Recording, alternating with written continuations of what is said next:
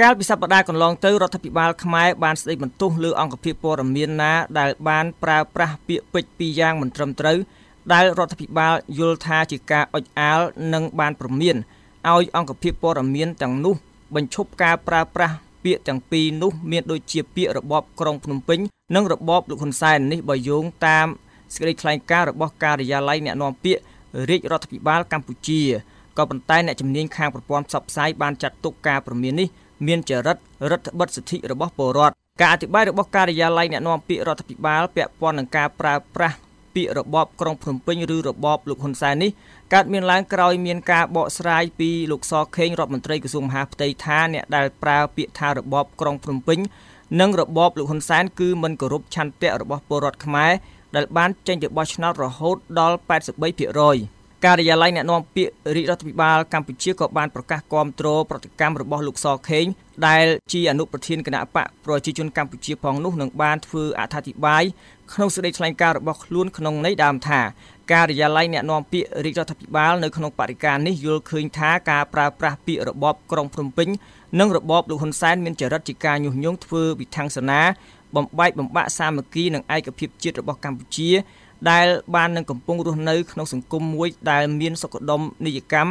និងកំពុងប្រកាន់យកការអនុវត្តតាមគោលការណ៍នីតិរដ្ឋយ៉ាងម៉ឺងម៉ាត់ដើម្បីរួមចំណែកទៅដល់ការថែរក្សាសន្តិភាព ការការពារជាតិពង្រឹងឯករាជ្យភាពអធិបតេយ្យភាពបូរណភាពទឹកដី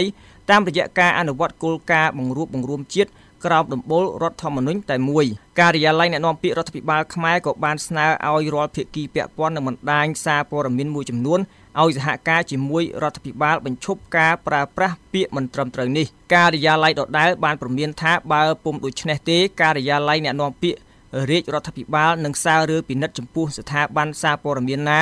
ដែលមិនឆ្លើយតបទៅនឹងការអំពាវនាវនេះដោយការប្រើប្រាស់ពាក្យដូចដែលបានលើកមកខាងលើដែលបានបង្កប់នៅអត្ថន័យនិងខ្លឹមសារប្រឆាំងនិងសុឆន្ទៈប្រជាជនកម្ពុជាដែលលោកចង់បានសន្តិភាពស្ថិរភាពនយោបាយ ឯកភាពនិងការអភិវឌ្ឍសង្គមក្រមគ្រួសារនិងជាតិខ្មែរទាំងមូលក្រោម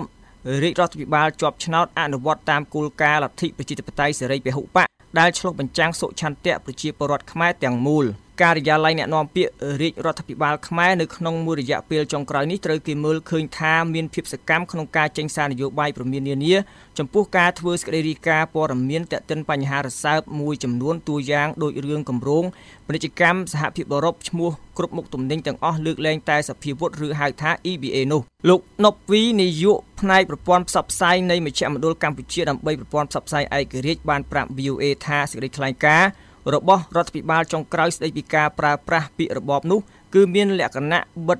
សិទ្ធិសេរីភាពរបស់អ្នកកសែតលោកបានប្រាប់ VOA នៅថ្ងៃច័ន្ទនេះថាខ្ញុំថាហ្នឹងវាជាសេរីភាពរបស់អ្នកសារព័ត៌មានទេយើងកុំទៅចាប់បង្ខំគេឲ្យប្រើពាក្យហ្នឹងឬមួយក៏យើងកុំទៅចាប់បង្ខំគេឲ្យគេប្រើប្រាស់ពាក្យអីដែលយើងយល់ឃើញថាជា អ្វីដែលយើងចង់ហើយនឹង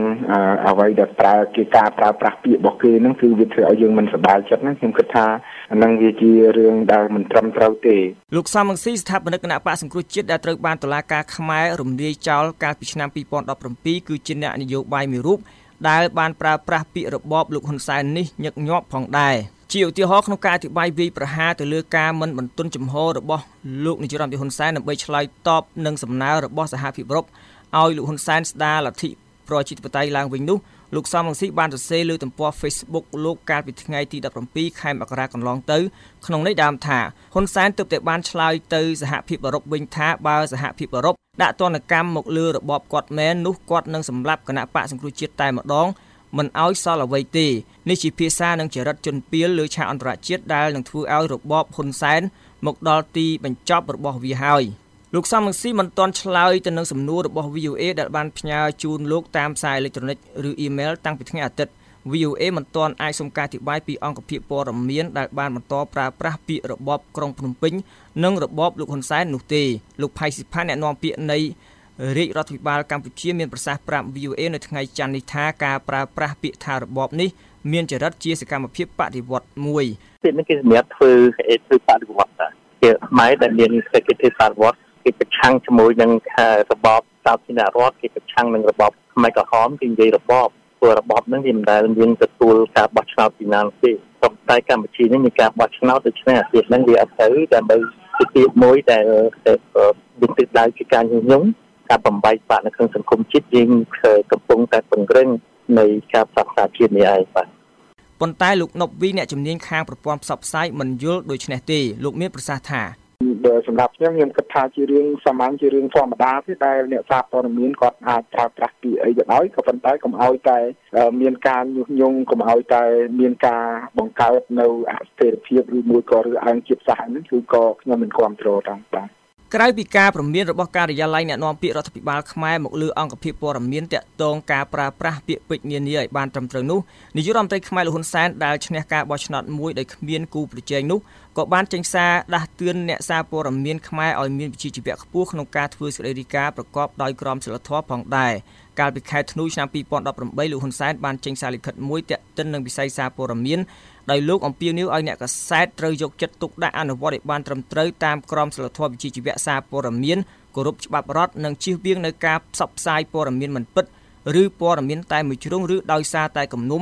ដោយពុំគិតអំពីក្បួនខ្នាតក្រិតក្រមនៃសារព័ត៌មានហើយគិតតែពីប្រយោជន៍ផ្ទាល់ខ្លួនឬផ្សព្វផ្សាយព័ត៌មានคล้ายៗបំពងសភាពការញុះញង់ឲ្យមានចំនួនផ្ទៃក្នុងរុញច្រានប្រទេស ឲ្យធ្លាក់ក្នុងភាពវឹកវរអសន្តិសុខឬបង្កឲ្យកើតមានចំនួនប្រដាប់អាវុធជាមួយប្រទេសជិតខាងធ្វើឲ្យអន្តរាយដល់ជាតិដែលជាអំពើខុសច្បាប់មិនអត់ឱនឲ្យជាដាច់ខាតលោកហ៊ុនសែនដែលគេស្គាល់ថាជាបរិះខ្លាំងរបស់កម្ពុជាបានថ្លែងថារដ្ឋាភិបាលលោកត្រូវការនៅសារព័ត៌មានដែលមានធម្មពលប្រកបដោយការទទួលខុសត្រូវនិងមានភាពស្មោះត្រង់ចំពោះវិជ្ជាជីវៈគឺទាមទារឲ្យអ្នកសារព័ត៌មាន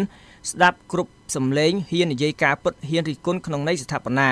យ៉ាងណាក៏ដោយកាលពីឆ្នាំ2017រដ្ឋាភិបាលលោកហ៊ុនសែនត្រូវគេដឹងថាបានបើកយុទ្ធនាការវាយឲ្យបែកខ្ចាត់ខ្ចាយសារព័ត៌មានឯករាជ្យតាមវិធានការពន្ធដារក្នុងនោះ មានកាសែត The Cambodia Daily ដែលផ្សាយជាភាសាអង់គ្លេសនិងខ្មែរបានប្រកាសបិទទ្វារដោយខ្លួនឯងដោយសារខ្លួនគ្មានលទ្ធភាពបង់ពន្ធក្នុងចំនួនដ៏ច្រើនសន្ធឹកសន្ធាប់គឺជាង6លានដុល្លារអាមេរិកកាសែតនេះបានចេញផ្សាយអត្ថបទរបស់ខ្លួនលើកចុងក្រោយដោយបានចាត់ទុកកម្ពុជាថាបានធ្លាក់ក្នុងរបបផ្ដាច់ការពេញទីព្រោះអាញាធរកម្ពុជាបានចាប់មេដឹកនាំគណៈបកប្រឆាំងលោកកឹមសុខាក្រោមបទចោទមេបករូបនេះថាបានរួមគំនិតជាមួយរដ្ឋាភិបាលបរទេស ប៉ុនប៉ងផ្ដួលរំលំរដ្ឋាភិបាលស្របច្បាប់របស់ទីក្រុងភ្នំពេញរាយការណ៍ពីរាជធានីភ្នំពេញខ្ញុំហុលរស្មី VOA